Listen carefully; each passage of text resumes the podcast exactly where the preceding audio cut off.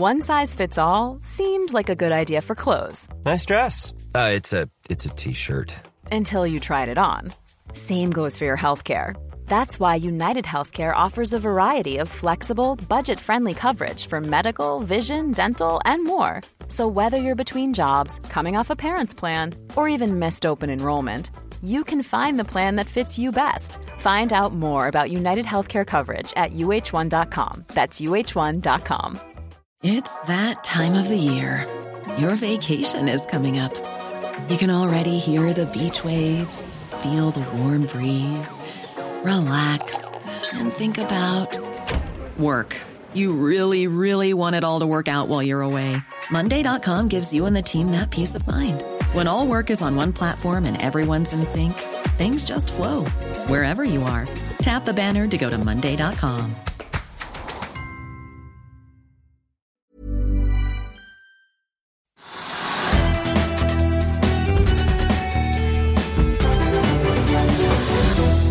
DNB får rødt lys av Konkurransetilsynet. SV forhandler om statsbudsjettet, og lånetrøbbelrammede Endur er ute med tall. Velkommen til Økonominyhetene. Dette er noe av det vi har på menyen til deg i dag på denne tirsdagen 16.11. Etter to dager i rødt er hovedindeksen nå opp hele 0,75% til 1242 poeng. Det er i all hovedsak grønt rundt oss på børsene i Europa, mens Wall Street peker mot en rød start, i hvert fall hvis vi ser på futuresene der.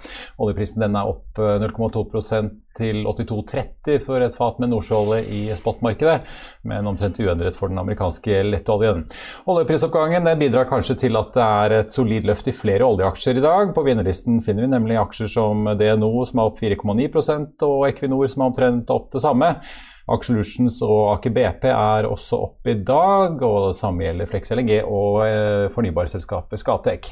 Skatek stiger 6,6% til litt over 173 kroner etter at Fearnley oppgraderte aksjeanbefalingen sin fra salg til kjøp med et kursmål på 195 kroner per aksje fra tidligere 170.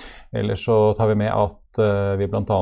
finner Philly Shipyard inne med en solid oppgang i dag etter at det Aker-dominerte rederiet borte i USA meldte om en kontrakt for et skip uh, for havvindinstallasjon som skal brukes i det amerikanske Jones Act-markedet. På topplisten i dag finner vi aksjer som MPCC Container, Norwegian, BVLPG, Wow og Golden Ocean. Ellers så får vi også merke at Arendals Fossekompani faller hele 11,4% etter en lang tids opptur. Finansavisen skrev jo mandag en kommentar om at aksjekursen har løpt sitat, 'fullstendig løpsk'. BVLPG slapp Q3-tallet i dag, som var litt svakere enn ventet. Ellers får vi ta med at corporate-avdelingene i Carnegie og DNB Markets nå har hyret inn for å hjelpe Kongsberg Gruppen med en børsnotering av Kongsberg Digital, som de sitat sier kan muligens skje i 2022. Vi hadde jo toppledelsen i Kongsberg Gruppen her i sendingen tidligere i høst da de fortalte om planene, og nå har vi altså fått litt mer drypp om hva de i, har i gang. Etter planen så skal Kongsberg Digital vokse omsetningen fra rundt 800 millioner kroner årlig i år til 2,8 milliarder kroner i 2025. Og det er digitale løsninger for industrien som skal drive denne veksten fremover. Vi skal straks høre Trygves analyse av budsjettforhandlingene og markedet, men først skal vi høre fra bankene Marius, Ja, før du setter på den. ja. Eh, Arendals Fossekompani. ja vil du skyte inn på den, Trygve? Ja. Nei, nei, den kritiske kommentaren, veldig kritiske, som har, har Ja. altså, kjørt kursen ned Som Christer 12 skrev. den var i dag. Var det i dag? Så de som vil lese den og løpe og lese den, det var dagens lå avis, ute på nett på mandag. òg, tenker jeg, og så var den i dagens avis. Ja, så var det en dagens avis, tøff kommentar, Ja. som fikk kursen ned. Det er sjelden det er såpass klare utslag, men det var ganske godt skrevet kommentar, og det var en riktig analyse. ja. Skal vi ta S-banken før? Ja, det var- Og vi skal nemlig høre mer om dette straks, men først skal vi høre fra Jan Erik Gjerland i ABG. For i dag kom altså nyheten om at Konkurransetilsynet forbyr DNB å kjøpe S-banken. Tilsynet har hatt saken til behandling siden april, og konkurransedirektør Lars Sørgaard sier at uh, verken svarene eller tilbudet om avhjelpende tiltak som har kommet fra DNB og S-banken har vært nok til å endre deres syn i uh, saken om at konkurransen i fondsmarkedet blir svekket. DNB-sjef Kjerstin Bråten mener tilsynsvurderingen er overraskende og tilbakeskuende, noe Sørgaard ikke helt overraskende er uenig i.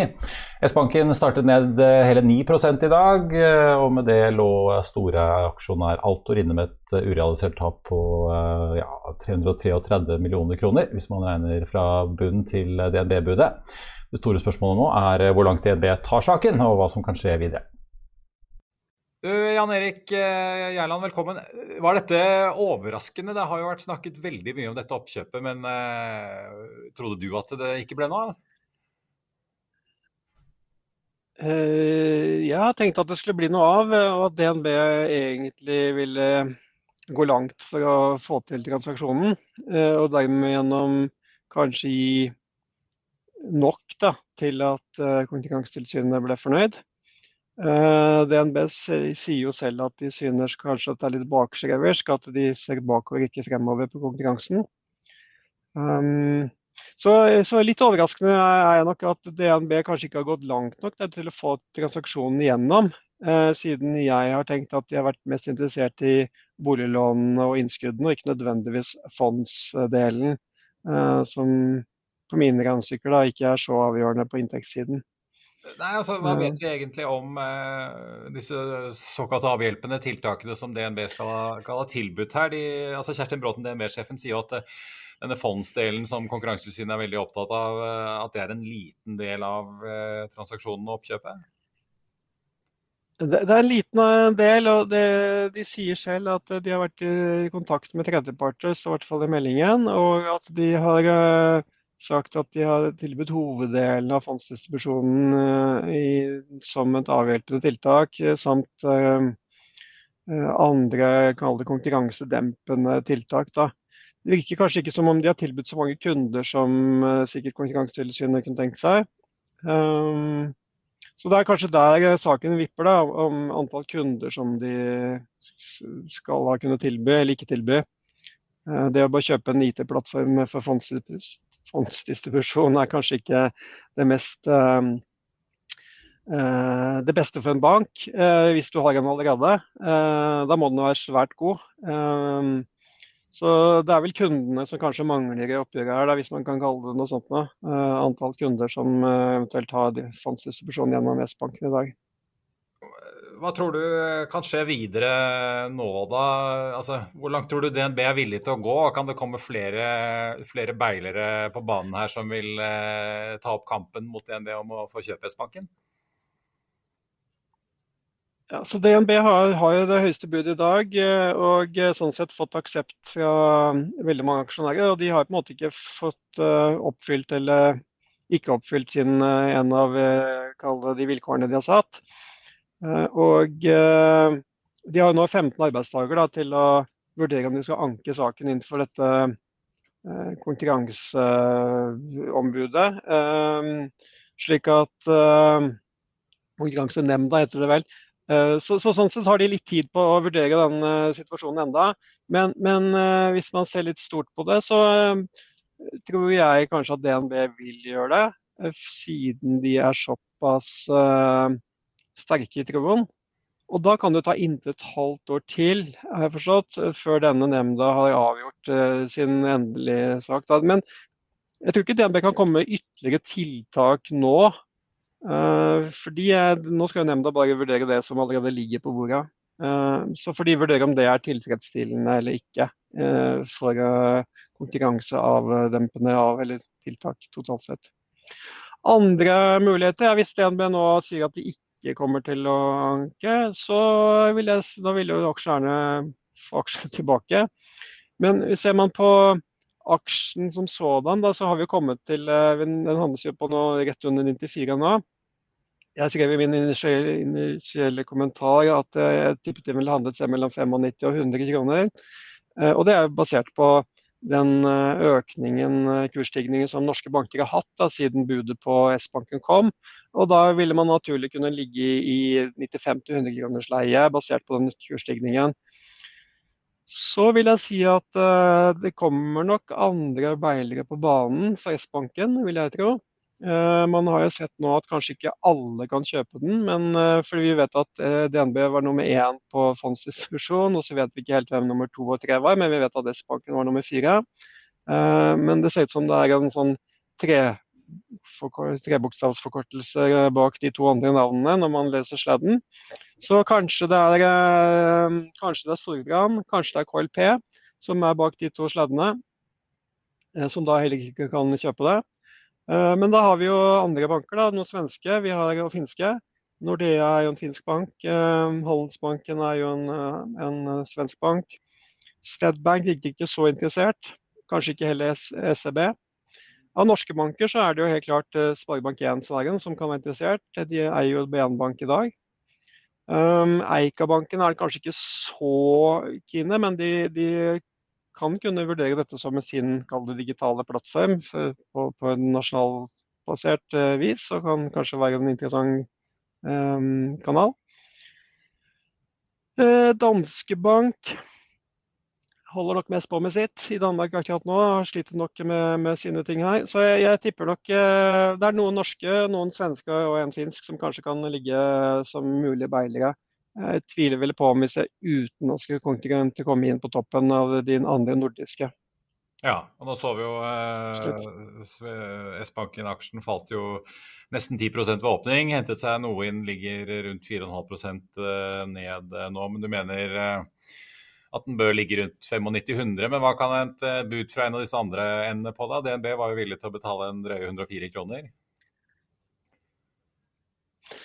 Ja, absolutt. 104 eh, var fremsto som et OK bud den gangen det kom. Eh, jeg tror DNB har gjort en, hvis de får dette gjennom, gjør en kjempegod transaksjon for sine aksjonærer. Så, så, det er viktig å understreke at budet på 104,45 etter utbytte er nok litt lavere enn jeg hadde sett for meg den ligger på. Jeg har en sånn fair value på rundt 125 kroner. Eh, så sånn sett er kanskje 104,45 da, litt for stor rabatt da, til, til, den eh, fulle verdien som ligger på bordet. Eh, det viktigste er jo at de som eventuelt kommer med, med ekstrabud, at de er IRB-banker, slik at man kan få både kapital og, og kostnadsenergier inn i transaksjonen. egentlig. Så vi får se hva, hva det som kan komme på banen, da, og om DNB og hva de gjør for noe. Så det er mange usikre ting her de neste 15 dagene, vil jeg si. Det blir uh, veldig spennende å følge med på. Jan Erik Erland i ABG Sundal Collier, tusen takk for at du var med oss. Ja, Trygve, du var ivrig i sted, men var, hvor, hvor, langt tror du Kjerstin Bråten i DNB tar dette her, da? Det er vanskelig å si. Jeg ville ikke gitt meg. Jeg ville anket. Hvis det finnes en ankeinstans, så ville jeg gjort det. Og jeg syns de har ganske gode grunner for å anke, faktisk. Altså, vi er jo her prinsipielt veldig for konkurranse. Veldig for forbrukernes interesser osv. osv. Men altså, S-banken er en relativt liten bank. De er gode, og de har datasystemer og opplegg som på en måte noen sier at alle vil ha. Bare de kjøper banken, så får de med seg det. Men jeg syns altså, Konkurransetilsynet drar det langt. altså, jeg synes det, så jeg Uansett så blir jeg anket det, og det er en ankeinstans. Og, og, og, den tror jeg kanskje ikke fører frem. Men jeg ville ikke, sette, jeg ville, jeg ville ikke sette, satte penger på at det førte frem. Jeg ville kanskje satt noe penger på det, at de forsøkte å ville få det til.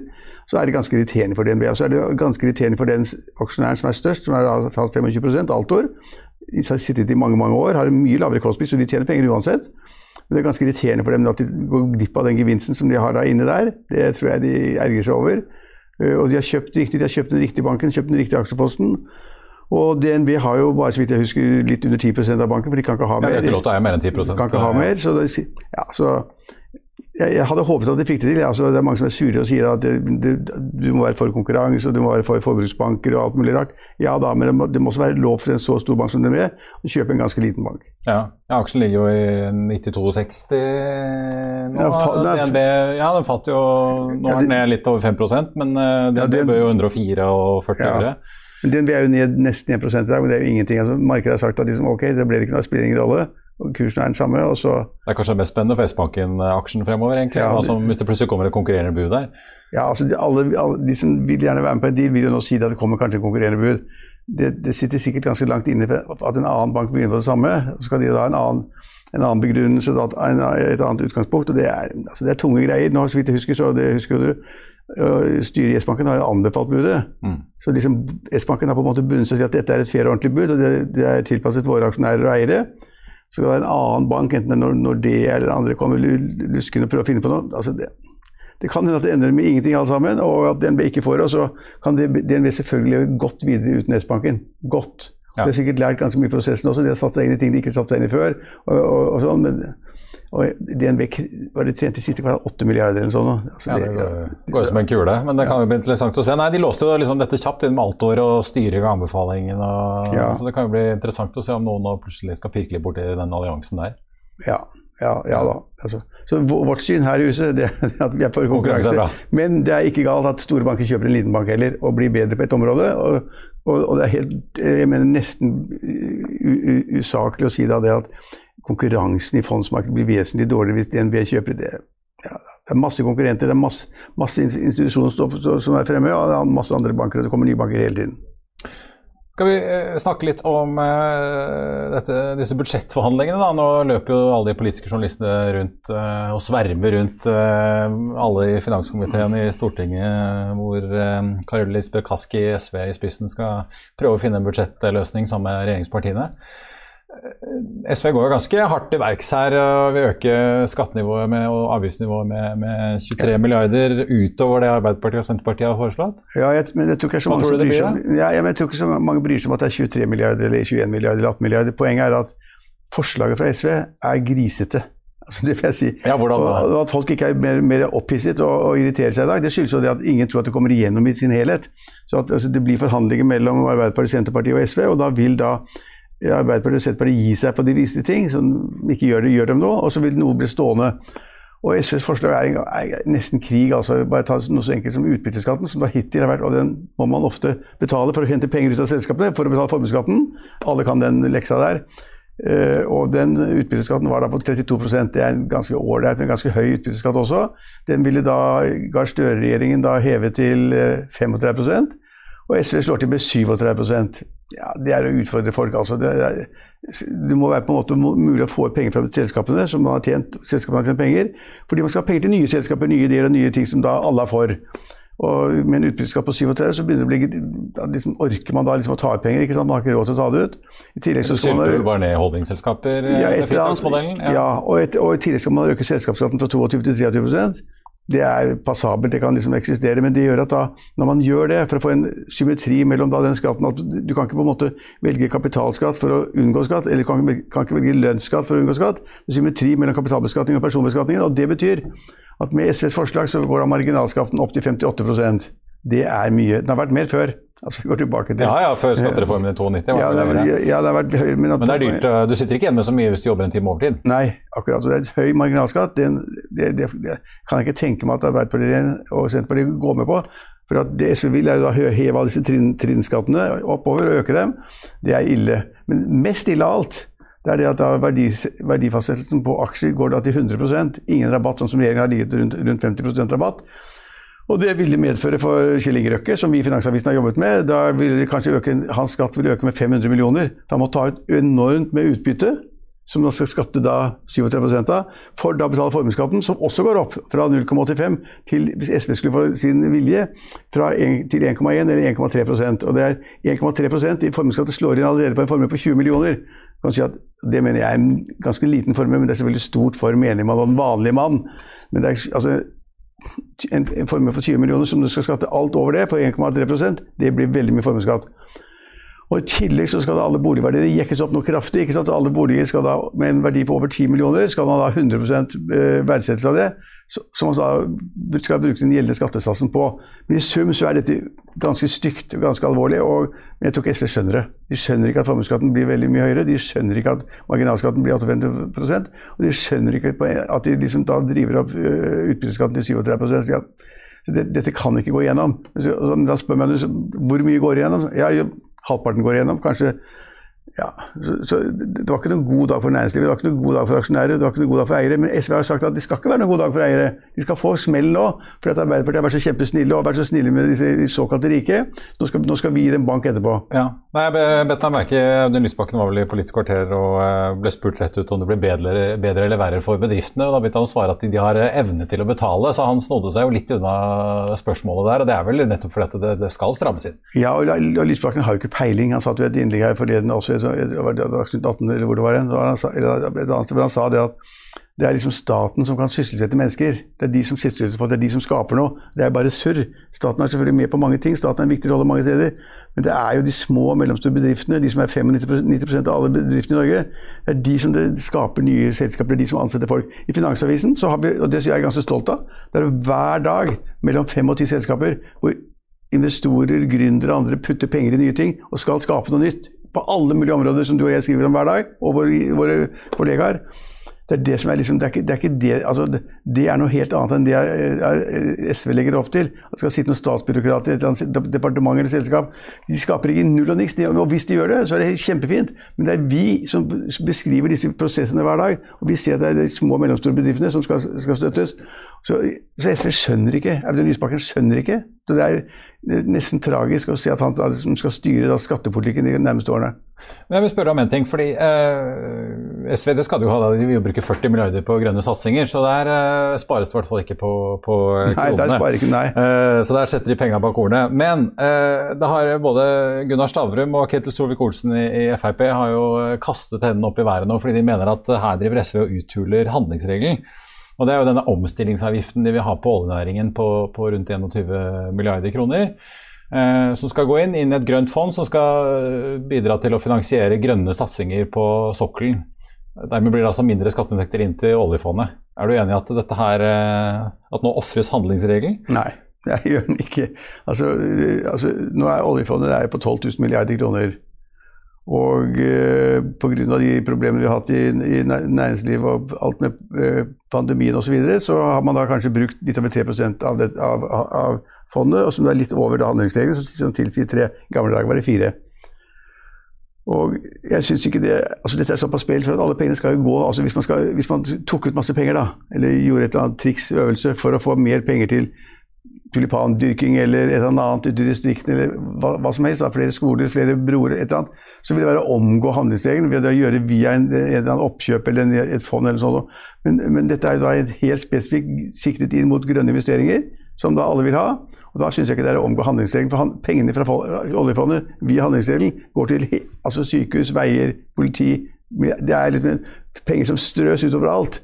Og Da syns ikke jeg det er å omgå handlingsregelen. At man tar en spesiell avgift og tar den krever en ekstra skatteavgift for de energiselskapene og gir det tilbake i en eller annen form til grønt fond til energiselskapene. I dag er det et veldig strengt skille. Altså, det må jo være finansielle plasseringer som gir staten avkastning hvis det skal tas under streken og ikke regnes med i uh, oljepengebruken. Ja, det, ja, det, under streken er noe helt merkelig greier. Det tror jeg ikke det er krav til noen ting. Jeg. Og Høyre hadde også hatt noen forsøk på det, hvor de hadde hatt penger til et eller annet som de likte bra. Som de skulle ja, hvis kalle det finansiell plassering. Så, så det ikke skulle gå utover da, handlingsregelen, altså ja. mer enn 3% eller det, det, Så har man da laget et eller annet forsøk, men det har aldri vært vellykket. Så jeg syns at det forbindelse med handlingsregelen er ikke viktig i det hele tatt. Ja. Eh, ellers så tenkte jeg vi, vi, må jo ta litt altså de, de, justerer jo litt som du sier opp eh, En ting er jo liksom selskapsskatt, utbytte, formuesskatt, men de justerer også opp på, på lønn. Ja, det, altså, de, ja, de, hva, hva, tror du det gjør med liksom, uh, folks arbeidsvilje? Har det noen reell effekt? Eller blir det symbolsk? At liksom, trinnskatten øker med noen tusenlapper? Ja, ja, det, er, altså, det er jo et godt poeng. For De sier jo det at liksom alle, over, de, alle de som har inntekt med 600 000, skal skatte mer. Og de under litt mindre. ikke sant? Og så da for de, de som da får skatte, skattelettelse, da snakker vi om noen hundre kroner, det betyr ingenting. ikke sant? Og de som er over, får noen tusen kroner mer i skatt. Men som jeg sa i sted, det er marginalskatten som er det viktige. Altså Hvis du skal jobbe ekstra, eller noen andre skal jobbe ekstra på en jernbanelinje eller fly på, fly, altså på Gardermoen, eller skal gjøre en ekstra jobb da. Eller helgevakt her i huset. Helgevakt, ja. eller, for, eller, eller, for, en eller annen jobb i Nordsjøen som er viktig. Altså Det er overtid, overtid, overtid. Sykepleiere har overtid døgnet rundt. ikke sant? Og det er, det er den, poenget er at hvis du hever marginalskatten til 58 da, og får selvstendig næringsdrivende til over 60 eh, så er det altså det, det styrer folk grann. Men det er jo klart at hvor mye, om folk slutter å jobbe overtid, eller om de slutter å gjøre sånn og sånn fordi det blir for mye skatt, det er jeg i tvil om. Og Jeg tror kanskje ikke grensen går akkurat på 58% men tendensen til at de ikke skjønner det, at mange mennesker vil da tenke jeg gidder ikke ta den ekstravakten på Ullevål sykehus, jeg gidder ikke ta den ekstravakten på politihuset, og jeg gidder ikke jobbe ekstra for å liksom få noe levert en vare i industrien, noen rør som skal greies, eller noe tak som skal legges, eller hva det måtte være. De, de, jeg tror ikke de skjønner at det, det nærmer seg et punkt hvor folk sier at det bare gidder jeg ikke. Og det, Derfor er det farlig, og det, og, det, og det, er så intrikat at man klarer nesten ikke å følge med. Man øker jo tre eller fire trinn oppover med så og så mange prosent. ikke sant? Og Det øverste trinnet skal nå skattes med 27% toppskatten. Det blir komplisert, og folk kommer til å bli kjempeirritert og overrasket da de får ligningen hvor de ser at de har betalt så jeg på å si jævlig, men det skal jeg ikke si, så mye skatt på de siste kronene som da det SV legger opp til. Og det er jo det er altså slik at de som, de som, da tjener noe særlig under én million, det blir ikke noe særlig endringer negativt. Men over en million så blir det veldig mye. Og hva tjener en stortingsrepresentant? Er det ikke en million, da? Akkurat en million. der går en fin grense. Det er rart grensen går der. Vi får se hvor den ender eh, til slutt. Trygve, takk skal du ha. If you thought the only way to get a more defined jawline with natural looking results was through surgery, think again. Juvederm Volux XC is a non surgical injectable gel filler that improves moderate to severe loss of jawline definition and can help you achieve natural looking results with little downtime. Even better, this improved definition lasts up to one year with optimal treatment. No maintenance required. Improve jawline definition for a smooth, sculpted look with Juvederm Volux XC. For important safety information and to find a licensed specialist, visit juvederm.com. That's J U V E D E R M.com. Not for people with severe allergic reactions, allergies to lidocaine, or the proteins used in Juvederm. Common side effects include injection site redness, swelling, pain, tenderness, firmness, lumps, bumps, bruising, discoloration, or itching. There's a risk of unintentional injection into a blood vessel, which can cause vision abnormalities, blindness, stroke, temporary scabs, or scarring. Talk to a licensed specialist to find out if it's right for you. I'll see you in court. Vi sier det ofte litt på spøk, men for deg som driver business, er det aldri moro å innse at du ikke har laget en 100% gyldig kontrakt. Du bør ikke risikere hele firmaet ditt fordi du synes dette med kontrakter er litt stress. En avtale er ikke en avtale. Du kan miste kunder, miste venner, ja, til og med miste inntekter om du ikke lager en skikkelig kontrakt, på alt mulig, egentlig. Men vi vet det er et styr. Kopimaskiner, tregprinter og haugevis av papir. Dessuten stoler vi jo på folk her i landet. Det er ofte litt kleint å skulle be om en signatur for alt mulig, ja, for mye av styret handler også om jakten på underskriften. Det finnes en enkel måte å løse dette på, Dukkobit, en trygg, effektiv og get this, gratis måte å sikre seg en god natts søvn pluss en juridisk bindende avtale. Dukkobit-appen har de strengeste sikkerhetskrav i bunn, samt en EU-godkjent og sertifisert teknologi. Framover vil det bli behagelig å spørre du, skal vi skrive under på det, eller? Kom i gang på dukkobit.no.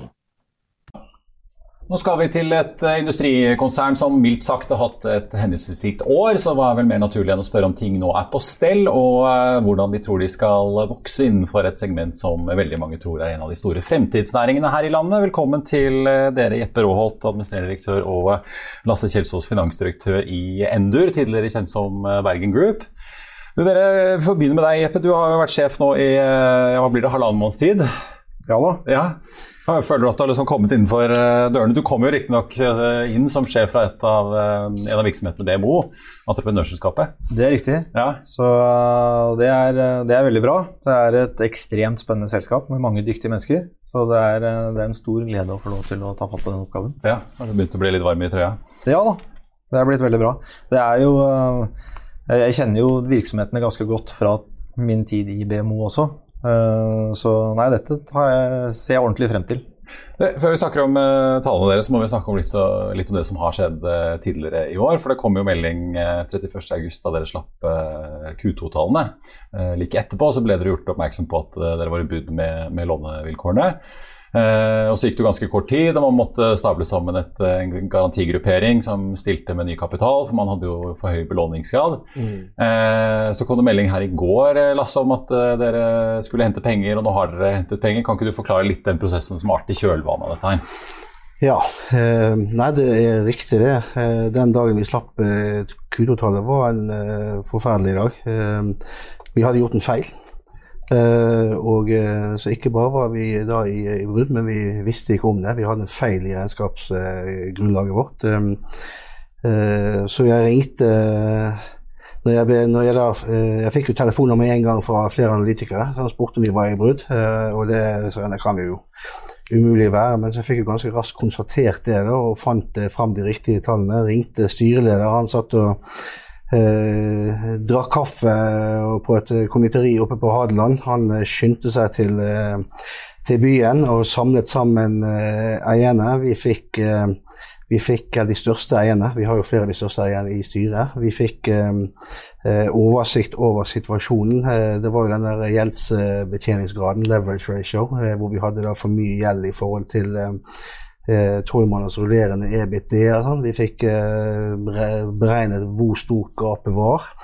Eh, I løpet av altså, På under et døgn så hadde vi da eh, fått etablert eh, vi, vi, trommet sammen, eller vi ba de største eierne om å delta i møtet sent på kvelden. Fikk gjort rede for hva som hadde skjedd. Og, og de stilte opp med og garanterte for, et, for 110 millioner kroner i ny egenkapital, som var det eh, beløpet som vi var short. da. Ja, for det var et lånevilkår i obligasjonslånet deres på 1,1 milliarder kroner omtrent? Stemmer. Ja. Du, denne emisjonen som dere skulle hente 140-170 millioner kroner på, mm. på 0,75 ja. eh, per aksje. Det var jo litt sånn sjokklav pris den gangen, ikke så lavt eh, nå. Ja. Eh, men det er jo da en del av den eh, garantien som ble annonsert da, i, i, september. Riktig. for vi, sa, vi, vi, vi, vi fikk da også til en avtale med obligasjonseierne. Eh, hvor, eh, hvor, vi eh, sa at vi, vi, kunne stille med, eierne kunne stille med ny egenkapital, tilsvarende det beløpet vi var short. Vi fikk til en ny eh, covenant-bane. da, eh, fram mot eh, sommeren. Så da meldte vi da at vi skulle gjøre en emisjon på minimum 110 millioner kroner. Det meldte vi jo da allerede tidlig i, eh, i september. Så, de, eh, ja, og så er det jo en 60 millioner kroner eh, til overs. da. Blir det bare en, en, buffer i regnskapet, eller hva, hva går det til? Det styrker balansen, ja. ja. Styrker balansen, ja. Uh, Jeppe, du kom inn da som sjef uh, 1.10, uh, men for de av oss som leste litt børsmeldinger som konsernet slapp, så skrev dere jo rett ut at det jo, ble opplevd som krevende i prosessen her at administrasjonen var litt for liten til å både håndtere alle de store eh, interne omstillingene i konsernet, samtidig som man skal passe på alle de regelmessige pliktene og, og uh, oppgavene man har som børsnotert selskap. Føler dere at dere har liksom kontroll på, på, alle rutiner og systemer nå? Ja, nå føler vi at vi har god kontroll. Vi har tilsatt ytterligere to ressurser i konsernet. Så nå er vi en, en gruppe mennesker med en, jeg mener selv en svært kompetent gjeng med utfyllende kompetanse. Eh, så mener vi at vi har god kontroll på dette. Ja. Det er riktig det at vi var for tynt oppsatt. Ja, Så det er folk rett og slett på, si, stab, regnskap og Ja, det var, en, det var, en, ekstremt slank organisasjon, det må gå an å si. Ja. Mm. For en gangs skyld litt for effektiv og slank, kanskje? I hvert fall for slank. Ja. Eh, du, dere, eh, jo, eh, dere kommer jo med et resultatvarsel 1.11, så det, det, meste er jo ute av sekken allerede. Aksjen gikk jo nesten 15 eh, da dere kom med disse tallene. Kan ikke dere oppsummere litt hvordan tredje kvartal har vært? Dere snakker jo om rekord i inntekter og høy aktivitet. Ja, altså vi leverer et svært godt tredje kvartal. Uh, vi leverer historisk høy topplinje, uh, og vi leverer et uh, veldig bra bunnlinjeresultat også. Altså en EBITDA på i størrelsesorden 66 millioner kroner. Um, det er vi godt fornøyd med, men samtidig så mener vi at det er noe å gå på. så vi kommer til å ta mål av oss å levere enda sterkere og veldig sterke tall framover. Ja. Og vi føler at vi har god komfort for at vi kommer til å levere gode tall framover. Lasse, hvis man ser på kontantstrømmen deres, så er jo den eh, ganske solid i tredje kvartal. Er det noen spesiell grunn til at den er såpass mye sterkere enn den har vært tidligere i år, eller? Nei, Det er jo en kombinasjon. da, at Vi har positiv drift i kvartalet. Og så har vi, eh, har vi eh, redusert bindingen i arbeidskapitalen. Det er jo sånn Når du vokser prosjektvirksomhet, så, så, så, krever det kapital. Uh, og uh, vi, Det er den viktigste jobben vi egentlig omtrent har nå. det er I tillegg til å sørge for at selskapet har en god grunnfinansiering, det er å styre arbeidskapitalen. Uh, så vi, har, vi, hadde da en for høy altså litt for høy binding i arbeidskapital per andre kvartal, sant? og det har vi tatt tak i. og med et beinhardt fokus. Ja, for jeg ser jo altså Driften genererte 151 millioner bare nå i kvartalet. Eh, fremover er det sånn at dere har nok, eh, nok, kontantstrøm til å betjene den løpende gjelden dere har nå etter den emisjonen som akkurat nå er varslet varslet og, fulltegnet? Ja, så nå har vi jo da en, Når vi betaler ned 110 millioner på obligasjonslån, så har vi 990 millioner i, i rentebærende gjeld. Det, det tilsvarer ca. 80 millioner kroner i året i rentekostnader. Det er ingen, det er ingen avdrag på dette lånet. Og med en EBIT DA som nå peker på vei godt opp og eh, over 200 igjen, så skal det eh, gå bra. VP med Høyre, dere er omsatt for eh, halvannen milliard så langt i år. Eh, men på prestasjonen i dag så var det ganske tydelig på at dette skal kraftig opp. For dere ønsker å doble omsetningen deres eh, de neste, over nesten treårsperioden. Eh, hvordan er det det skal skje? Dere er jo engasjert i både entreprenørvirksomhet, dere leverer jo til oppdrettsanlegg. Hvor er det liksom det skal gis ordentlig gass her? Ja, Nei, altså det er jo, Vi driver jo med entreprenørvirksomhet, enten det er innenfor infrastruktur eller innenfor oppdrett. Um, men det er klart vi opplever ekstremt sterk etterspørsel etter våre tjenester. Uh, særlig innenfor akvakultur. Uh, så vi ser jo for oss at en stor del av den veksten vil komme innenfor dette segmentet. Uh, men også innenfor marin infrastruktur opplever vi sterk etterspørsel etter våre tjenester. Ja, for det er alt fra altså, kaianlegg, eh, broer, eh, smoltanlegg på land? Smoltanlegg på land, det er, ja da, det er, eh, det er innenfor alle tjenester. Og, og, som sagt, makroen ser jo veldig bra ut. Det er et stort etterslep innenfor vedlikehold av infrastruktur.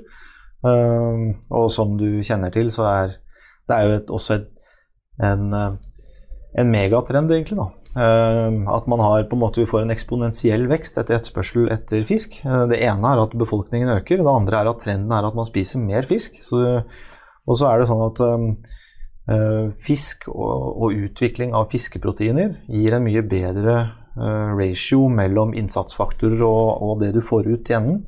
Slik at Nei, vi tror, vi har veldig god tro på at vi kommer til å kommer til å levere store, sterke tall fremover. Satser dere på disse nye offshore oppdrettsanleggene som det satses på bl.a. fra Aker og SalMar om dagen? Eller? Nei, vi har ikke siktet på, på offshore oppdrett. Eh, du snakket jo litt om uh, synergier mellom den virksomheten dere har på entreprenørsiden og ja, akvakultur- og oppdrettsnæringen. Mm. Er det fordi at dere på en måte ikke leverer så mye på tvers i dag, at dere ønsker å få til mer av det, eller? Ja, altså vi, vi, er jo opptatt av alle synergier, egentlig. Vi er opptatt av bunnlinje. Um, så vi ønsker jo ja, for Det er jo tre selskaper som egentlig utgjør nesten alle 85% av omsetningen, sånt, men, men, de har ikke så mye med hverandre å gjøre i dag? Er det sånn å forstå? eller? Nei, og så må du huske det at disse er jo, det er, det er jo ikke så veldig lenge siden disse ble i samme familie. Og mange av kontraktene våre har lange lederlinjer, lange ledetider, og du kommenterer deg for gjennomføringen av en kontrakt og gjennomføringen av et prosjekt på et ganske tidlig stadie ofte. Eh, både for å redusere risiko, for å skape forutsigbarhet, eh, slik at vi i dag har liten andel eh, i disse prosjektene, mens vi i fremtiden kan ha mye mer. Men vi er opptatt av, da, i konsern så er vi veldig opptatt av at dette her må være på selskapets premisser. Vi kommer ikke til å diktere at noen skal samarbeide. Så dette må være fordi man er konkurransedyktige og kan levere markedsmessig. Eh, hvis man skal samarbeide på tvers. Men som sagt, det har vi veldig god tro på at man skal få til. Til slutt, eh, For å realisere disse vekstplanene, må dere gjøre noen oppkjøp òg, eller klarer dere å ta det meste på egen kjøl? Altså For å nå den ambisjonen om, om, en dobling i løpet av tre år, det er vi anerkjenner at det er en hårete ambisjon. Um, men vi legger opp til at det primært kommer til å skje organisk. Um, og så kommer vi til å se på noen mindre oppkjøp og, og add-ons. Men det er primært organisk. Vi kommer til å ha hovedfokus på operasjonell drift og forbedringer i den nære bildet nå. Jeppe Raalt og Lasse Kjølsås i Endur, takk skal dere ha for at dere kom. Takk skal du ha. Har du ønsker om aksjer vi skal analysere, send en e-post til tvtips.finansavisen.no. Da skal vi ta en titt på markedene i USA, som nå er eh, åpnet. Det er eh, oppgang og grønt på Dow Jones er opp 0,45% SMP 500 er opp 0,34 mens Nasdaq Composite er opp 0,25% Vi tar også med at eh, meglerhusene ABG og DB Markets, eh, som er med på, sammen med Clarkson Plato, som er med på å eh, tegne emisjonen og børsnoteringen i eh, havvindselskapet Edda Vind, melder at den nå er overtegnet, så da er det vel ikke så lenge til vi får se havvindselskapet på børs. Ellers så får vi ta med at S-banken nå er ned 5,6% til 92,40 på Oslo Børs mens DNB er ned 0,98 etter nyheten om at eh, Konkurransetilsynet altså forbyr oppkjøpet av S-banken fra DNB. Ellers er det Equinor som er mest omsatt, 4,7 opp i dag. Aker BP er opp 1,5 uh, Vi har jo sett at eh, gassprisene i Europa har begynt å stige oppover igjen etter at de falt noe tilbake tidligere i oktober. Vi er jo fortsatt uh, på historisk skyhøye nivåer med den energikrisen som preger kontinentet. Det var eh, likelønndagen i går, og fra 15.11. og ut så jobber altså kvinner her i landet gratis, hvis man bare ser på hva kvinner og menn tjener isolert sett, uten å se mer i detaljene og yrkesvalgene som ligger bak statistikken. Dette mener Trygve er like dumt hvert eneste år, og i Finansavisen i morgen kan du lese hans leder om at kvinner slett ikke jobber gratis fra 15.11. Du kan også lese om riggselskapet Avilco, som trenger kapital og skraper en rigg i flåten. Du kan lese om meglerhuset Pareto, som er entusiastiske om batteriselskapet Freyr. Og du kan lese et børsintervju med DNB Markets bankanalytiker Håkon Astrup.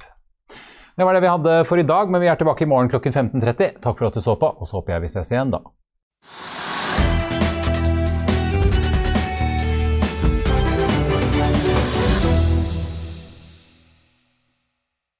Økonominyhetene er en podkast fra Finansavisen. Programledere er Marius Lorentzen, Stein Ove Haugen og Benedikte Storm Bamvik. Produsenter er Lars Brenden Skram og Bashar Johar. Og ansvarlig redaktør er Trygve Hegnar.